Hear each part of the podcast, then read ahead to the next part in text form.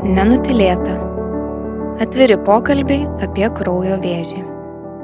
Sveiki, čia tinklalaidė Nenutilėta. Atviri pokalbiai apie kraujo vėžį. Ir aš Aistė. Jeigu tinklalaidės klausotės pirmą kartą, tai priminsiu, jog čia išgirsite pašnekesius apie kraujo vėžį pačiais įvairiausiais aspektais. Apie skirtingas kraujo lygas ir jų gydimą, apie gydimo prieinamumą Lietuvoje, apie tai, kaip onkologinė lyga paveikia emocinę būseną. Tai aštuntasis tinklalaidės nenutilėta epizodas, šiemet jau paskutinis.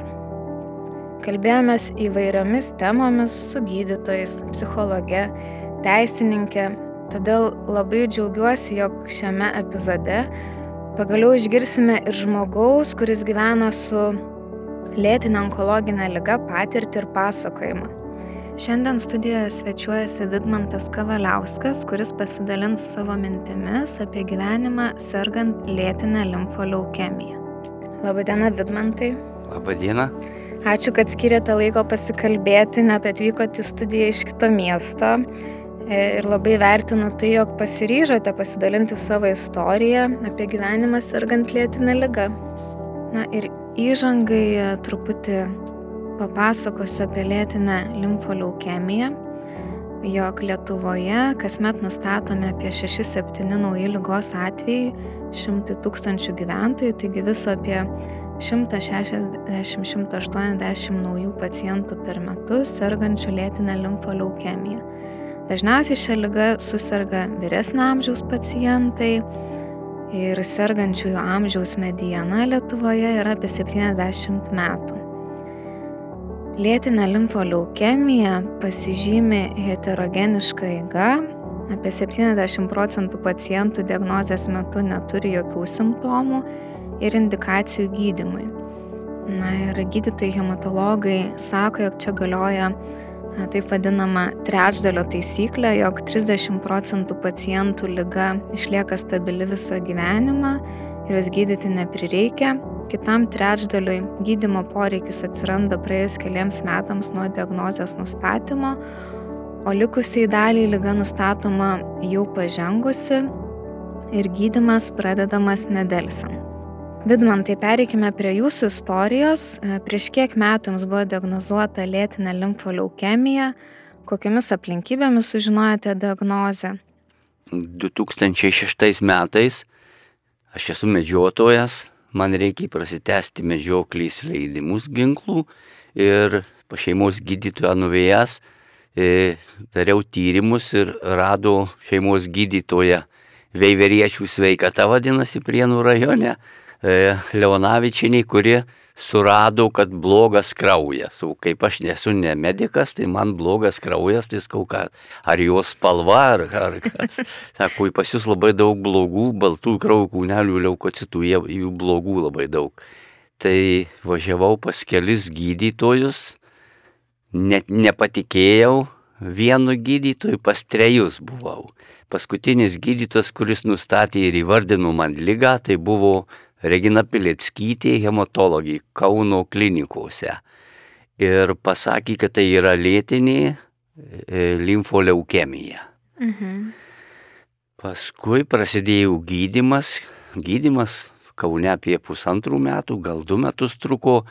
Ten visokiais heliksoro tokiais augaliniais visokiais ten dalykais, liepė daug vitaminų, uogų valgyti, aš valgiau tą, klausiau daktarų, bet nieko nepadėjo, pradėjau limfmazgiai didėti, paskui kažkas čia man patarė, kad kreiptis reikia į Vilnių, į Santariškės, nes yra bangos hematologija Vilniaus, tai yra Laiminas Griškevičius, jau žymus, žymus hematologijos specialistas, nu va taip ir papuoliau į, į Vilnių, į Santariškės. Ten e, gydytoja skyriaus vedėja e, Vilija Kiuberienė pirmą man pasakė pusę valandos, kalbėjom susėdę, kad čia yra nepagydoma lyga, tik tai nuslopinama. Reikia su tuo susitaikyti ir, ir susitaikiau. E, prasidėjo gydimas tabletėmis ten tokiom čia aš ne medikas nepasakysiu, leukeranas man atrodo. Paskui kurį laiką jos veikė, paskui gal po metų jos pradėjo jau, jau nebeveikti, prasidėjo chemijos terapija. Tad, tada jų, kaip čia pasakyti, aš neįvardysiu, kad žinau, du kartus gavau po 30 iš jų ten. O tas 30 ar ten skaitosi vienetas, ta 30 ar ten skaitosi 30 tikrai. E, nuslopindavo, paskui jau ir tas chemijos terapija sunkiai padėjo, tada atsirado vaistai, e, labai brangus vaistai, kuriuos man paskyrė gydytoja, tiksliau papuoliau aš į studiją, kur e, kompensavo tuos vaistus, nežinau kokie ten Johnson. Johnson ar kokie ten šitie vaistų gamintojai. Ir aš juos pradėjau gerti, man jie labai tiko ir šešis metus Aš su jais gyvenau puikiai, nieko net nesijausdamas. Po šešių metų jie nustojo veikti. Tada vėl mhm. papuoliau į santariškės, dar kitus vaistus paskyrė. E, e, skyriaus vedėjo kiuberinį buvo jau išėjus iš darbų, iš, nu, į užtarnautą poilsį, jau į pensiją. E, skyriaus vedėja buvo Regina Pileckytė, ta pati gydytoja, kuri man klinikose nustatė tą lygą. Be, koks sutapimas. Koks sutapimas labai didelis, labai nuostabi, nuostabi daktarė paskyrė dar vienus vaistus man. Jau čia buvo daug, jau praėję apie 8 metai turbūt buvo.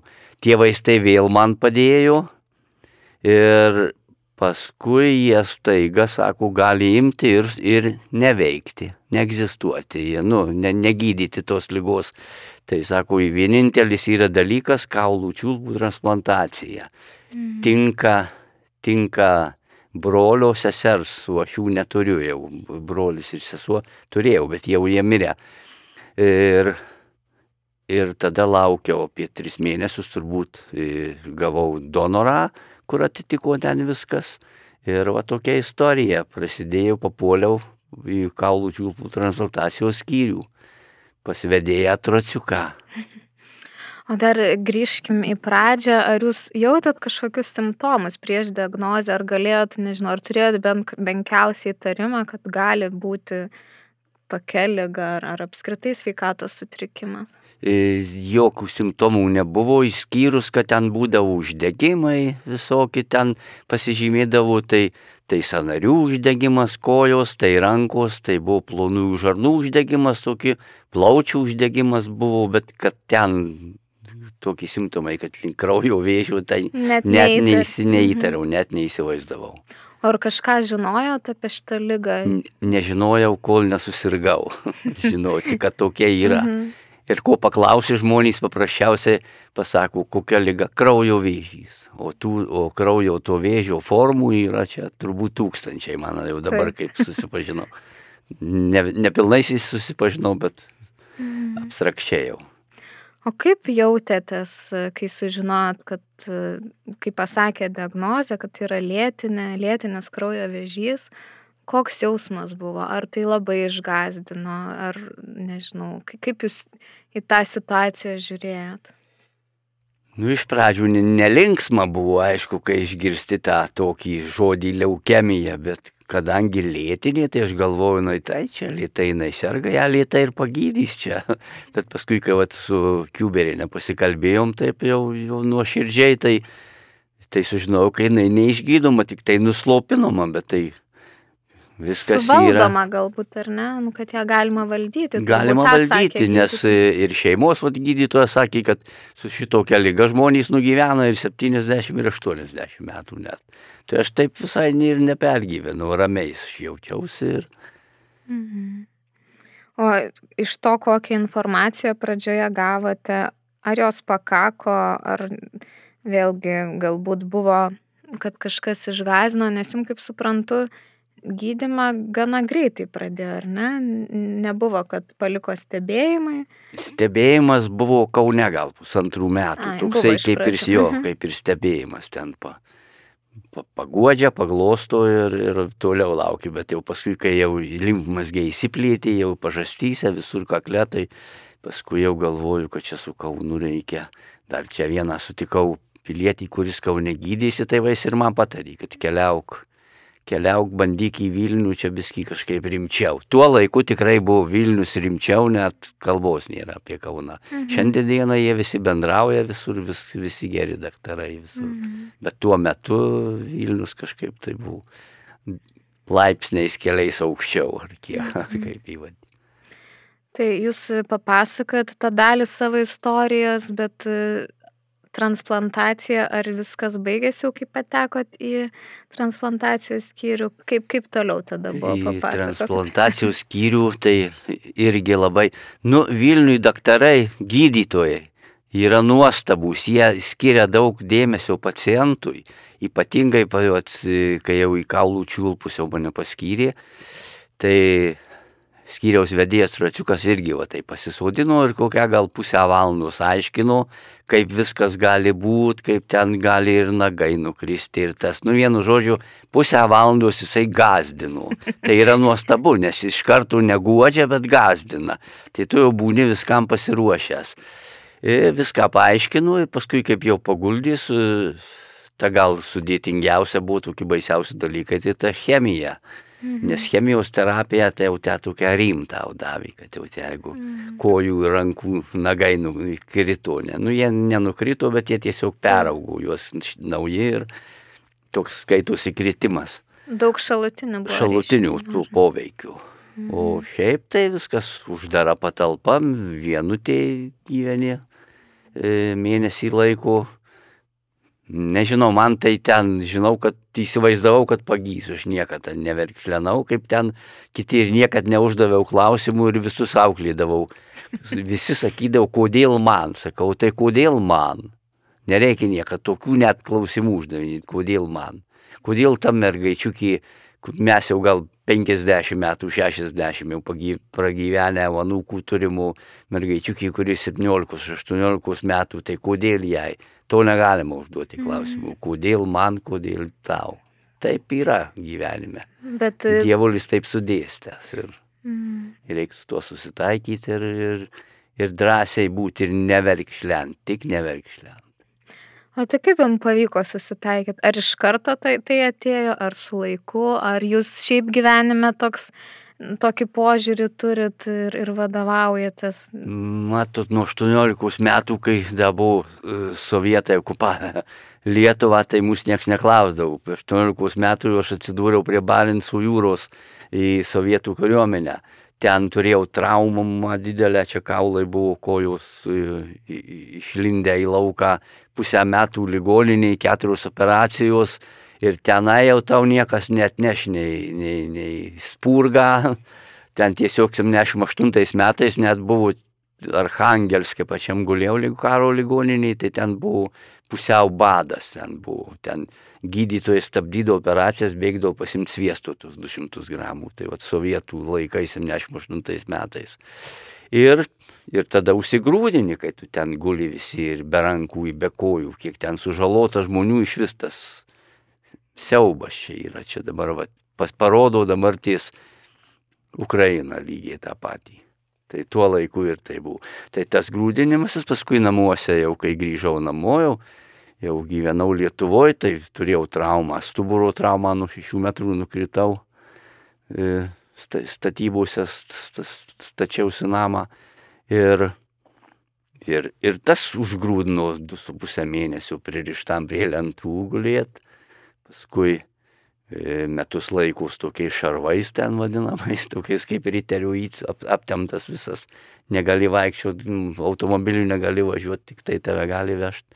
Nu ir va paskui šį leukemiją, tai skaitau, kad visas tas, ta, tas laikotarpis jisai užgrūdina tas visos tos, tos bėdos. Tai jau patekot į ligoninę šitam gydimui, kraujo lygos gydimui, su didžiulė patirtimi, ar taip, ne? Ir net taip, galit palyginti, kaip patirti, buvo, taip. ar ne, prieš daug metų, kaip turbūt ta situacija gerokai pasikeitė. Oi, čia net, net kalbos nėra, čia visi tie, kur pasigenda sovietų dešrostos, tai čia juos reikia siūsti į Kaliningrado sritį ir tegu ten gyvena tada. Taip. Tai jūs kaip jau tikrai daug metų gyvenat su ta lyga, ar ne, tai savai žodžiais. Ar galit papasakot klausytojam, kokia lyga yra lėtinė limfoleukemija? Ir ką jūsų manimų svarbu apie ją žinoti? Nu, reikia žinoti turbūt tai, kad negalima e, liaudės medicina užsimti su šia lyga, neklausyt, kas kam buvo ten man gerai, gal ir tau tai bus gerai. Šitą tai jau griežtai visus atmes, nes man kiek buvo visokių pasiūlymų ten ir, ir nutrios mėsą valgyti, ir, ir visokių ten uh, varlių džiovintų, nu, buvo visko. Bet aš visada klausau gydytojų, su jais pasitariau, nujuokysi, nu tiesiog pasako, yra cheminė reakcija, jeigu degtukas sudegė ir jisai pajuodo, tai jo atgal net statysi, yra, yra rim, tokie rimti dalykai. Tai ne, neklausyt, kas ką pasakoja, tiesiog, tiesiog susitaikyti su gydytojų nuomonė.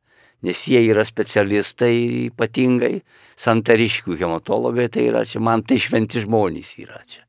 Aišku, aš nebuvau nei Klaipėdų, nei Kaune labai trumpai buvau, skau ten stebuklos nebuvo tais laikais, prieš tą 16 metų. Dabar jau tikiu, kad jau, jau viskas tobulėja. Bet tuo laiku tai buvo nekažikas. Mhm. Ar jūs pats domitės savo lyga, gydimo būdais? Ar tiek, kiek gydytojai pasako, tiek jums? Tiek, kiek gydytojai pasako. Geriau nesidomėti, nes tokia gyvenimo praktika ir aš turiu draugą, kuris irgi sunkiai serga, bet ne šitai lyga, jisai kita lyga serga, bet jis yra pats gydytojas, tai jos žodžius galiu kartu. Tai yra blogiausia, kai tu žinai viską supranti ir viską įsivaizduoji. Ir, ir žinai, kas gali būti. Ir žinai, kas gali būti. Va. Geriausia šitų nežinoti, mhm. nereikia žinoti. Žinoti tiek, kiek reikia tam taip, etapui. O jeigu kažkas kyla klausimų, galima pasiklausti gydytojo. O jūsų nuomonė, pats paminėjot, kad svarbu vadovautis gydytojo nurodymais, ar ne? Tai Taip. mes irgi dažnai akcentuojam, kad e, svarbu yra bendradarbiauti su gydytojų komanda, kad e, ne, neužsimti savygydą, vad ką jūs irgi minėjot, bet ir tartis, ir klausti, ir klausyti, ir, ir įgyvendinti tuos. Tai jūs viską pasakėte, mums jūs pritarėte, ar ne? Pritariu 120 procentų. Mhm. Ar pasikeitė ir jeigu taip, tai kaip pasikeitė jūsų gyvenimas po diagnozės? Arba galbūt vėliau, nes jūs jau daug metų, kadangi... Tas e, pasikeitimas toksai, kad tu esi pusiau neįgalus, gauni invalidumą jau gauni, grupė ir jau tu biskiesi toksai, kaip pasakyti, po padidinimo stiklu jau toksai šiltnamio gailelį, biski reikia ir saugotis, ir, ir žiūrėti ten Kas liečia ten maistą, tas nieko, bet piknaudžiavimų jokių jau negali būti griežtai ten, nes yra sudėtingi vaistai jas, juos reikia laiku naudoti pagal gydytojo nurodymus. Aš tą viską dariau ir aš va, 16 metų, nežinau, kas čia mane globoja, tų gydytojų ar ta, kad aš jų klausau. Mhm. Reikia va, Turbūt, kad šitaip reikia daryti, kaip, mm. kaip yra kiekvienas savo rūšies specialistas. Aš galiu tokį pavyzdį pasakyti, reiškia, buvau užsienį pas draugą Vokietį. Vokietijoje, Bielefelde. Ir jo iškritus rozetį, jau mes kaip lietuviai, žinot, dar nagingi žmonės, tai aš paėmiau truktuvą ir sakau, aš tą rozetę prisuksiu, kai tai čia nekabotų. Vokietis man neleido jos prisuksi, nesakė, jeigu tu suksi rozetę, tai elektrikas neturės darbo ir tu padėk atsuktuvą ir aš iškviesiu elektriką, jis prisuks. Tai va taip ir su gydymu. Nereikia klausyti, kad vienam taip, kitas taip, kitas patarimų ten kokių. Yra gydytojas, jisai tą darbą dirba, jis mokslininkai tuo domisi, kuria vaistus, tai ką tu čia gali pats priburti, jeigu tu, mm. tu esi šalkalvis, o čia yra gydyti. Labai teisingai pasakėt, kiekvienas turi daryti savo darbą. Taip. O tarkim, kalbant apie veiklas, aktyvumą, ar, ar turėjo įtakos, galbūt, aišku, suprantama, kad gydimo, aktyvaus gydimo metu turbūt e, vis tiek yra kitaip, reikia sumažinti, bet iš esmės, ar atsirado toks kažkoks, nežinau, galbūt užsidarimas namuose, ar kaip tik tas nepasikeitė ir ką jūs mėgdavote daryti, tą ir darote? Ką mėgau, tą ir dariau. Kiek leisdavau fizinį sveikatą, nes jeigu tu po tų chemijos terapijų parvažiuoji namo visas įsekęs, tai tu jau ten po mišką nepavaikščiosi ten. Po, Taip, po, natūralu. Po, taip, nuvažiuoji gal į gamtą, tie grynų orų pakvėpuot, bet jau tu jau, jau kas liečia tokias, va, aš mano hobis didžiausia medžioklė, tai į medžioklę jau neteko, turėjau laukti. Bet kai jaučiatės gerai, tai O kai jautiesi gerai, tai viskas, jeigu tu fiziškai paėgus, tai tu ir darbus darai namuose ir judi, kada nebūte gyveni jau nuosavam sklypę, tai ir tą ką veikti, tai vaikštinėjai, tai yra, tai tą darai, tą darai yra. Mhm. Ar jūsų nuomonė svarbu yra neužsidaryti, neužsisėdėti namuose? Svarbu. Svarbu neužsidaryti ir svarbu neslėpti, nepasislėpti, kad jau tu čia ir neįsivaizduot, kad čia jau tu dabar būsi visų guodžiamas ir tarp kitko visiems nesergantiem, kurie ateina pasergant į ligonį, jokių būdų neguosti. Ir negailėti. Į negailėti. Aš sakydavau, ne pas vieną ligonį nuveidavau, va ir sesuomirus nuveidavau, sakydavau, kodėl tu čia dabar guli, greitai kelkis ir eik dirbti, kad sako, aš nepaėgiu atsikelti, skus tenkis, kelkis, reikia va taip kalbėti, nereikia niekada kalbėti, kaip tau blogai, kaip čia tau negerai, reikia sakyti, ką tu čia simuliuoji, kodėl tu taip darai. Ir tada žmogui pasikeičia nuotaika, nereikia gailėti, ne, griežtai, čia yra tokia, ką, žinau, mano tokia nuomonė. Mhm. O dabar ar jums reikia vartoti kažkokius vaistus? Oi, vaistų daug. Bet daug. čia grinais dėl šitos kraujo lygos. E, Šiek tiek reiškia, papasakot, kaip... Kaip, e, kai pakeitė kaulų čiulpus, tai būna, kad nors atitiko ten visi tie 10 prie 10, ten tie parametrai ir kaip ten visus pavadinti, tai atmetimas buvo buvo atmetimas, vėl mane pasiguldė, tris dienas ten lašinau vėl vaistus sudėtingus ir dabar, reiškia, perėjau, kaip čia dabar ties yra pasiekmės, gydytoja dabar pasakė, leukemijai šansų sugrįžti nėra. Tai va toks džiuginantis pasakymas, bet yra kitas dalykas, vadinasi, transplanto kova prieš šeimininką perėjau į odą, ta oda visai įsitempus, visas toks va, kietas, tai ant kojų, ant rankų tokių žaizdų atsiranda, tai jais yra vaistai, kuriuos jau du metai naudoju, tai daug vaistų ten, taip jeigu pasakyti vienetais, tai ten ryte septynios piliulės, vakare penkios, įvairiai. Bet čia jau dabar kovojat su, su tais šalutiniais reiškiniais transplantacijos gydymo. Iš Taip, tikrųjų, jau, taip. jau nebe lėtinės limfos. Jau lėtinė leukemija, jau jinai, nes jinai buvo jau ketvirta A stadija. Ir jei procentaliai, tai tik tai 5 procentai buvo tų gerųjų lastelių, o 95 jau buvo vėžiniais jau apimtus. Tai jau čia praktiškai nurašytas žmogus jau buvo, man matot, aš va dabar kalbu. taip, ir šypsotės, ir įkvepiat, ir kalbat.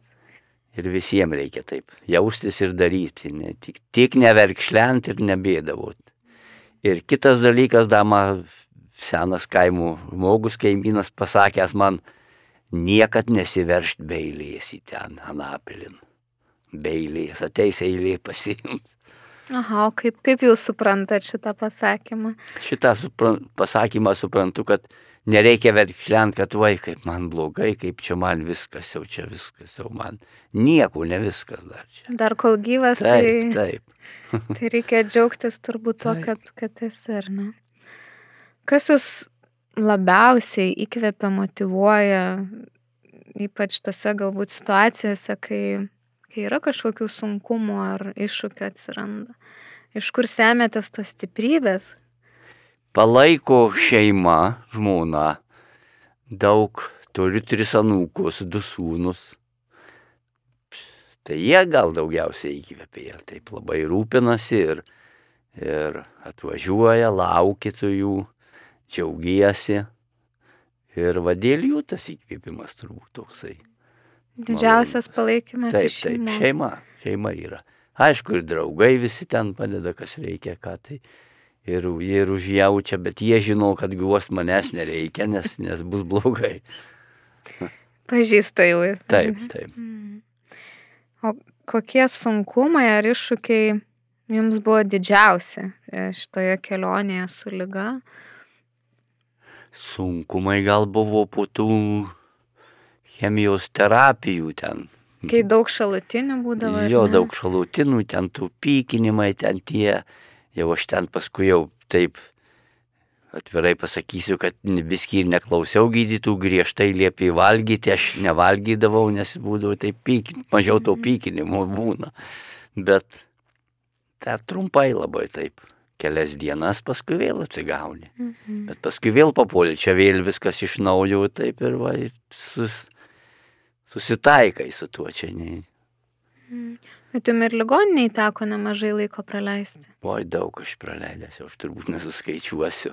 Nu, daugiausia tai praleidęs Arhangelską, pusę metų iš eilės, dieną į dieną. Ten buvo tada. Ar nesunku, kai e, galbūt mes čia labiau kalbam apie na, šitą netokį seną etapą, bet ar nėra sunku išbūti ligonį ilgesnį laiką, nes namuose, kaip sako, ir sienos gydo. ar- Tai taip, bet namuose tokios nebus gal pagalbos susitaikai. Tai, tai tiesiog būni, kad, ir- kad reikia, kai jau, kai jau yra galimybės namuose, namų sąlygom gydytis būti, ar ten kažkiek tai, tai niekas tave ligoninė ir nelaiko ir išleidžia. Bet jeigu gydytojas sako, tau reikės vis tiek gulėti dar tris dienas, tai tu būk malonus ir, ir, ir gulėk ir jokių tenai prašymų namo, nes e, net turiu tokių atvejų, ten su manim kartu gulėjau namo išleidau ir apsirgau tai kažkokią tai lygą, kad ir jinai padėjo. Jam, jam, buvo kitokia ten labai pikta. Mhm. Šitą kraujo vėžys piktas buvo kaip. Griškevičius, Lamas, labai gražiai įsireiškia, jis niekada nesako, čia bloga lyga ar pavojingas, visą laiką sakydavau, kai ateina pikta. Pikta. Pasakot šiek tiek apie ligoninę, gal atsimenat kažkokių smagių akimirkų, nutikimų, ar, ar nežinau, galbūt kažkas jūs patį įkvėpė, kuo galit pasidalinti, kai su kitais žmonėmis bendravot, jeigu bendravot. Nu, tokie nutikimai, tai kaip, kaip, reiškia, mano pavardė Kavaliauskas ateina slaugytojai į palatą ir sako Kavaliauskas. Ir trysia, mes šešiesi gulium, trys atsistom ir žiūrim viens į kitą. Tik atsigulus, tai pasirodo, trys Kavaliauskai gulijom. Čia labai tokia populiari pavardė Lietuvoje. Ir Pasirodo. nutikimų paskui tokių rimtesnių, tai buvo temperatūra 10 dienų laikysi, 39-40 nekrito ten. Tiesiog keisdavau maikės, kas 5 minutės šlapes ir jau, jau gydytojai, nežinau, ką daryti, atėjo Griškevičius, vat, mhm. dabar jau profesorius turbūt, kad jau. Ir pasakė, tokius ir tokius vaistus griežtai. E, Geri, apsisuko ir išėjau. Ir kai tik aš tuos vaistus gavau, antrą dieną dingo temperatūra. Tai toks vat, įdomus ir tas vat, likęs vaizdas tokio vadovo, kuris man tikrai šventas žmogus, ten nežinau kaip. Nors jie tarėsi visi ten yra. Iš vis antariškių gydytojų, hematologai, tai ten nuostabus visi. Ten galiu vardyti ir vardyti, aš jau ir pavardas kitų atsimenu. Ir Galit linkėjimų perduoti. Galiu perduoti linkėjimų šiandienos gydytojai Renatai Jutsaitieniai, e, Pileckytei, skyriaus vedėjui Kaulų Čiulpų Trociukui ir visiems kitiems, jau nekalbu apie vadą patį, patį Laimoną Griškevičių. Nuostabus. Jūs truputį um, prieš įrašinėjant užsiminėt, tai um, noriu, kad ir klausytojams papasakotumėt apie tai, kaip, e, apie tos anegdotus ligoniniai, kaip ten būdavo.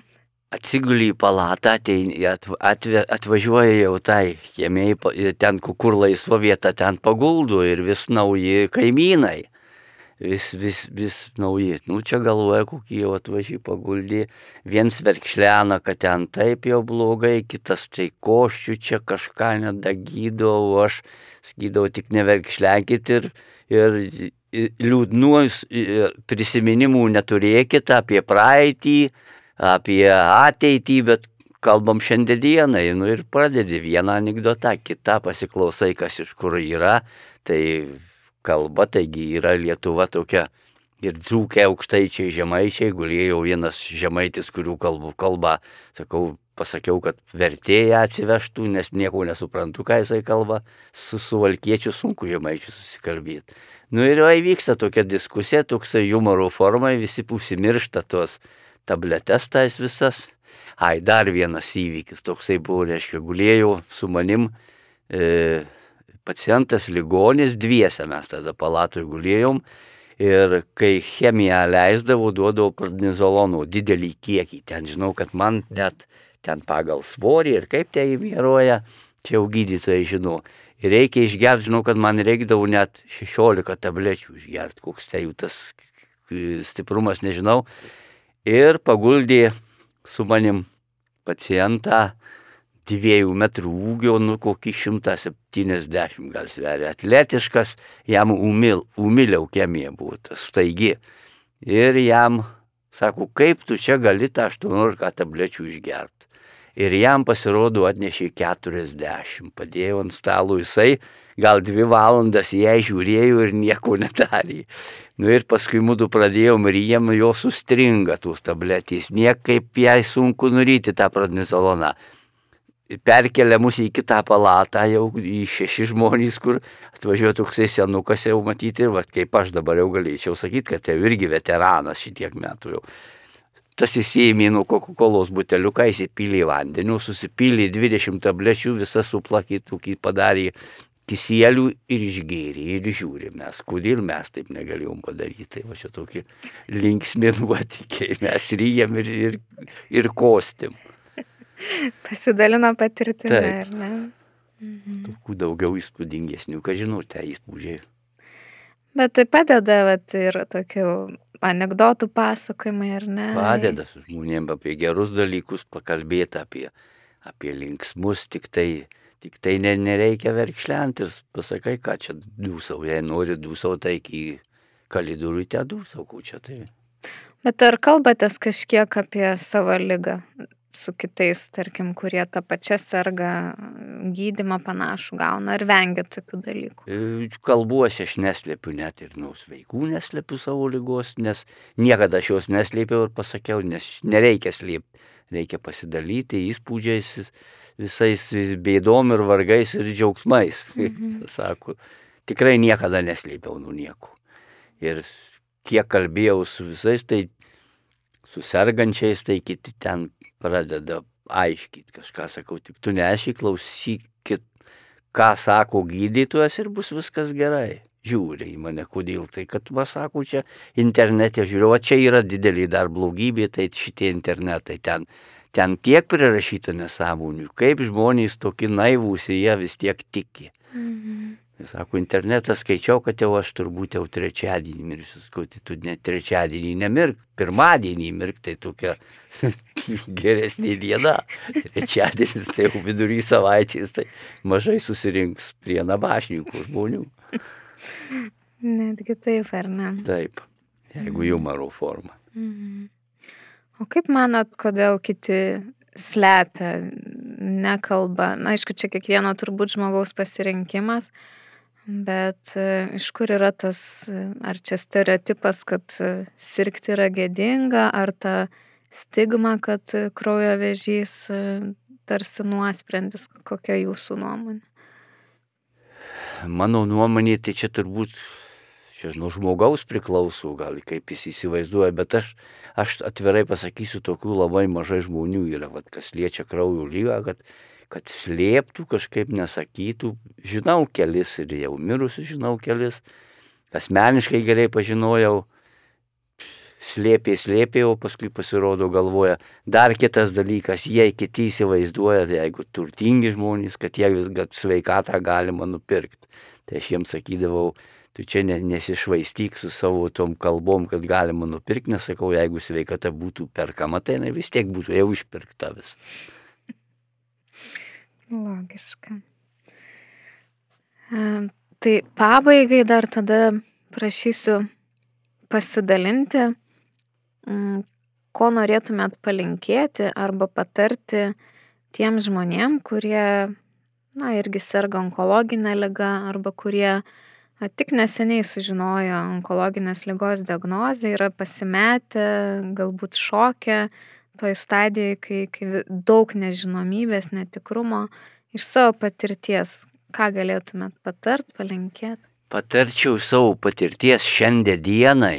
Vėžys yra nugalima šitas. Čia, čia retas atvejis, jeigu klausys gydytojų ir kas liečia, čia turbūt kalbam apie lėtinę limfuleukemiją daugiausia.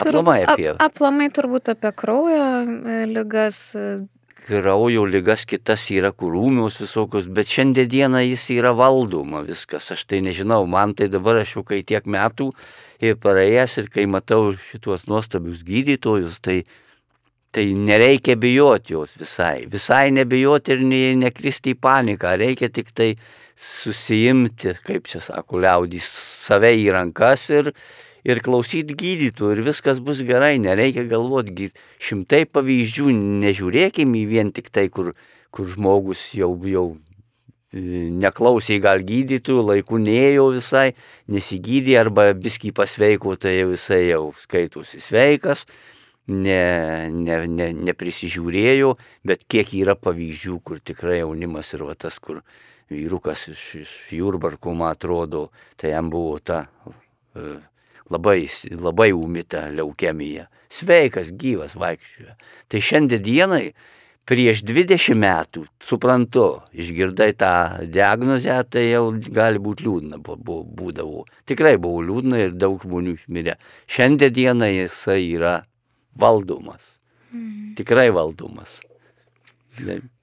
Sakykite, jeigu dar. Jeigu jau pakliūvi pas gerus daktarus, dar pridėsiu. Dar, kad jau pasakėt, tai taip kyla noras paklausti, e, kaip ir pats sakot, prieš 20 metų vienai buvo, dabar situacija yra tikrai geresnė, daug inovatyvių vaistų ateina. Kaip, kaip jūs jaučiatės, kad yra tokios galimybės e, įveikti tokias sunkes lygas, kurios anksčiau, na, daugeliu atveju būdavo mirtinos?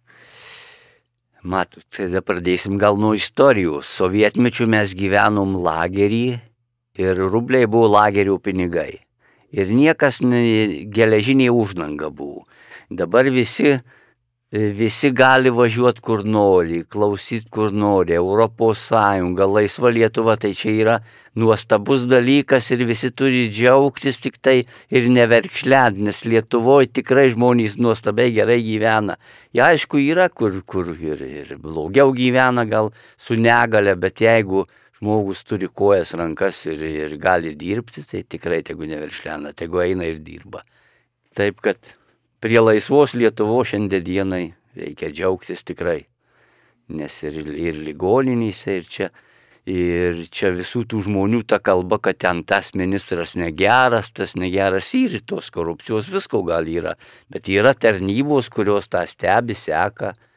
Yra, aišku, ir pažiūrėti Rusienį tas pats lygiai yra. Ir, ir, ir blogų žmonių yra, ir gerų žmonių yra, bet bendram kontekste tai čia viskas nuostabu. Gerai mes gyvenam, taip. Gerai gyvenam, tikrai.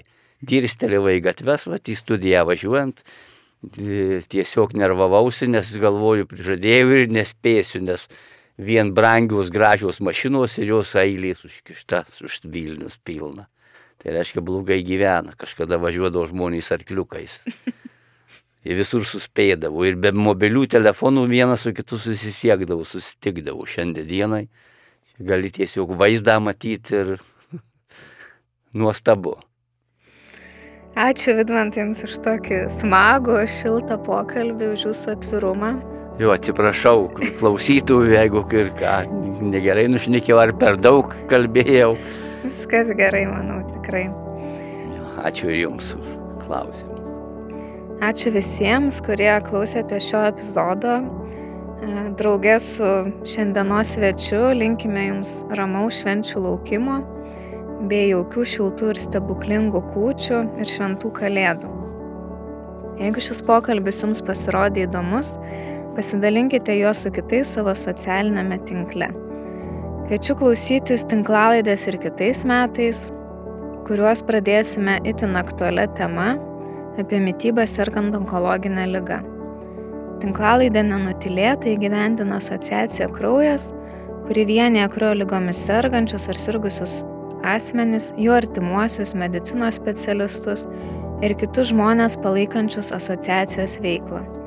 Šioje tinklalaidėje vėžį išgyvenę žmonės dalinasi savo patirtimi, emociniais iššūkiais ir gyvenimo pokyčiais lygos gydimo metu ir po jo. Gydytojai, psichologai ir kiti medicinos specialistai pateikia įvairių patarimų ir informacijos apie kraujo vėžį, gydimo galimybės, mytybą, fizinį aktyvumą, emocinę sveikatą. Tinklalaidę siekiame suteikti daugiau informacijos apie kraujo lygas ir su jomis susijusios problemas, padėti primti lygą, įkvėpti drąsos ir parodyti, kad nors gyvenime po kraujo vėžio diagnozės atsiranda pokyčių, jis tikrai nesustoja, gali džiuginti ir būti visavertis. Daugiau informacijos tiek apie asociacijos kraujas veiklą, tiek apie tinklalaidę ir visus jos epizodus visuomet galite rasti interneto puslapyje www.kruojas.lt ir Facebook paskyroje kruojas.lt. Iki kito karto.